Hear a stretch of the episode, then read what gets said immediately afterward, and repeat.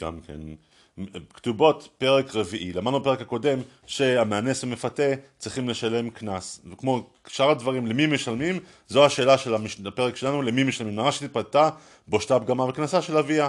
וצער הוא צריך להוסיף גם כן במקרה של תפוסה שזה אנוסה את זה אנחנו לא צריכים את המשנה אומרת התורה את זה. עכשיו הסיפור מתחיל. עמדה בדין היה גזר דין לפני שמת האב הרם של האב כמו שאנחנו יודעים אבל מת האב. לפיכך אם מת האב אז החוב הזה הולך לאחים, האחים יורשים. אבל לא הספיק בדין, לא היה גזר דין עד שמת האב, המת, האבא מת לפני גזר הדין, הרי אין של עצמה לא היה חוב לאב בזמן שהוא מת. כמו כן, באותו, באותו, על אותו משקל, אם עמדה בדין עד שלא בגרה, הרי אנחנו יודעים שהקנס הוא רק עד שהיא בגרה, הרי אין של אב, לפיכך אם מת האב, הרי אין של האחים, אם היא לא הספיק לעמוד בדין עד שבגרה היה גזר דין אחרי שהיא בגזר, בגרה, הרי אין של עצמה. רבי שמעון אומרים לא. אנחנו לא הולכים לפי גזר הדין, אנחנו הולכים לפי הגבייה לא הספיקה לגבות עד שמתאהב, הרי אין של עצמם. אבל אפילו רבי שמעון מסכים שמעשה ידיה כמו מציאתה, אף על פי שלא גבתה, לא הולכים לפי הגבייה, הולכים לפי תאריך השכירות, מתי שנזכר מזה, לפי חתימת מתאהב, הרי אין של האחים. סיימנו עם קנס מפתה וקנס מאנס, מי מקבל את הכתובה בעצמה? אומרת המשנה ב' המארסת ביתו וגרשה, או ארסה ונתרמלה, כתובתה שלו. כמו כן, אם הסיעה אותה וגרשה, או הסיעה אותה ותרמלה, כתובתה שלה, מכיוון שהיא כבר לא ברשותו. רבי יהודה אומר לא לא, הראשונה של האב, מכיוון שהוא חתם על הכתובה בזמן שתקנה הייתה ברשותו, חכמים אומרים לו לא, מי שהסיעה אין לאביה רשות בה. משנה ג' מי מקבל את קנס המוציא שם רע? באותו פרק של פרשת כי תצא, אנחנו רואים שמוציא שם רע, בזמן שזה באמת היה שם רע, הוא צריך לשלם קנס של 100 זוז, 100 סלע. למי הוא משלם את זה? אומרת המשנה, גיורת שהתגיירה ביתה, אימה, אפילו שהבת הייתה מתחת לגיל שלוש, ויש יש לה חזקת בתולים ובן, ובן בתולה, אחרי זה גדלה וזינתה? לא. היא לא מקבלת דין של הנערה פה, בפרק שלנו בפרשת תצא, היא נהרגת בחנק. אין לה לא פתח האב, והיא גם לא תקבל בכלל, אין פה קנס של מאה סלע. אבל אם הייתה הורתה שלא בקדושה, כלומר גונזלס הזאתי, נכנסה להיריון שלא בקדושה, וילדה בקדושה וילדה אותה בזמן שהייתה יהודייה כבר, זאת כבר תקבל סקילה, אבל עדיין אין לו פתח בית האב ולא מהעשה לה. רק במקרה שהייתה הורתה ולוותה בקדושה, רק אז, הרי כבת ישראל לכל דבר, היא גם בסקילה וגם יש לה פתח בית האב וגם מהעשה לה. אוקיי, מה עם נערה יהודייה, ישראלית, יש לה אב ואין לה פתח אב, בגלל שהוא לא הומלס, או יש לה פתח בית האב ואין לה אב אבא ברח, הרי זו עדיין תהיה בסקילה מכיוון שלא נאמר פתח בית אביה בפרשת כי תצא אלא מצווה ולכן זה לא מעכב. חוץ מכל הדברים שציינו לעיל, יש עוד דברים שהאב זכאי בביתו. מה הם?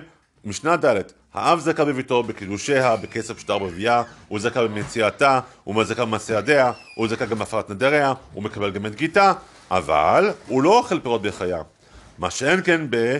אם היא נישאת, שאז יתר עליו הבעל, שאוכל כן אוכל פירות בחיה. מה זאת אומרת אוכל פירות? מכיוון שאם יש איזה נכס כמו בניין, אז שכר דירה הבעל יאכל. זה מתקנת חכמים. כמו כן הבעל חייב במזונותיה, פורקנה וקברותה. רבי יהודה אומר רק רגע, מה שאמרנו קבורה, אפילו אני בישראל לא יפחות משני חיילים ומקודנת. רעיון מאוד טוב, אוקיי. לעומת זאת, מתי היא עוברת מרשות האב לרשות הבעל? אומרת המשנה, לעולם האב, עד שתיכנס לרשות הבעל לנישואין. מתי זה? רק כשיש מסירה.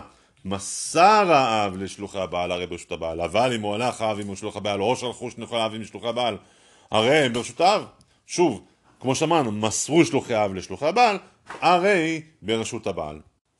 מה שאמרנו שיש יתרון לבעל שאוכל פירות בחייה, יש גם יתרון לאב. מהו? שאב אינו חייב מזון ביתו כמו שהבעל חייב. זה מדרש דרש רבי אליעזר בן עזריה, שלמדנו את זה כבר בבבא בתרא, לפני חכמים בקרב ביבנה, הבנים ירשו והבנות יזונו.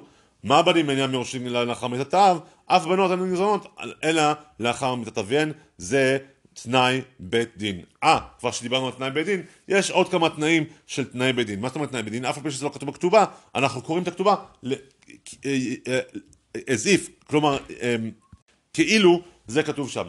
הנה, משנה ז', לא כתב על כתובתה, בכלל אין כתובה. בתולה עדיין, בתולה כתובה 200 ואלמנה מנה מפני שהותנה בדין. כמו כן, אם הוא כתב לה שדה שהוא שווה רק מנה, תחת 200 זוז, ולא כתב לה שכל הנכסים משתעבדים לה, עדיין הוא חייב, מכיוון שהוא התנה בדין, כל נכסים של הבעל משתעבדים לאשתו. טוב, משנה ח' לא כתבת, אם תשתבי, אם את נשבית, אפרקנך ואותבינך לנטור, נחזיר אותך לאישה ובכהנת, אדרינך למינתך, אני אחזיר אותך למינתך מכיוון שבכהנת, אפילו בזמן שהיא נמצאה, היא כבר עשו על הבעל, עדיין הוא חייב מפני שהוא תנאי בדין. משנה ט', לפיכך, אם היא נשבית, הוא חייב לפדותה.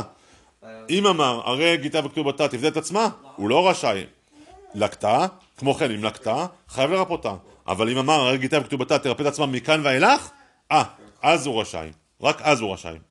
עוד שלושה תנאי בית דין שחכמים גזרו, אם הוא לא כתב לה, בנין דכרין דהיבו לימינייך, בנים זכרים שיהיו לי ממך, יוון יתבי בביתי, סליחה, עינון ירטון כסף כתובתך, הם ינשו את הכסף של הכתובה שלך, יתר על חולקיון עם אחיון, יותר מכסף של האחים האחרים שיבואו מאימא אחרת, אם את תמותי ואני אקח אישה אחרת, אז הבנים שלך יקחו, יקבלו את הנכסים שאבא שלך הוריש, זהו חייב מפני שהוא תנאי בדין. כמו כן, משנה י"א, בנן נקבן דהביא למינך, נקבות שיהיו לי ממך, יאבני יתבן בביתי מזונה מנכסי עד שיתנסחן לגורבין. הם ישבו בבת שלי ויאכלו עד שהם יתחתנו, חייב לנשות המדין.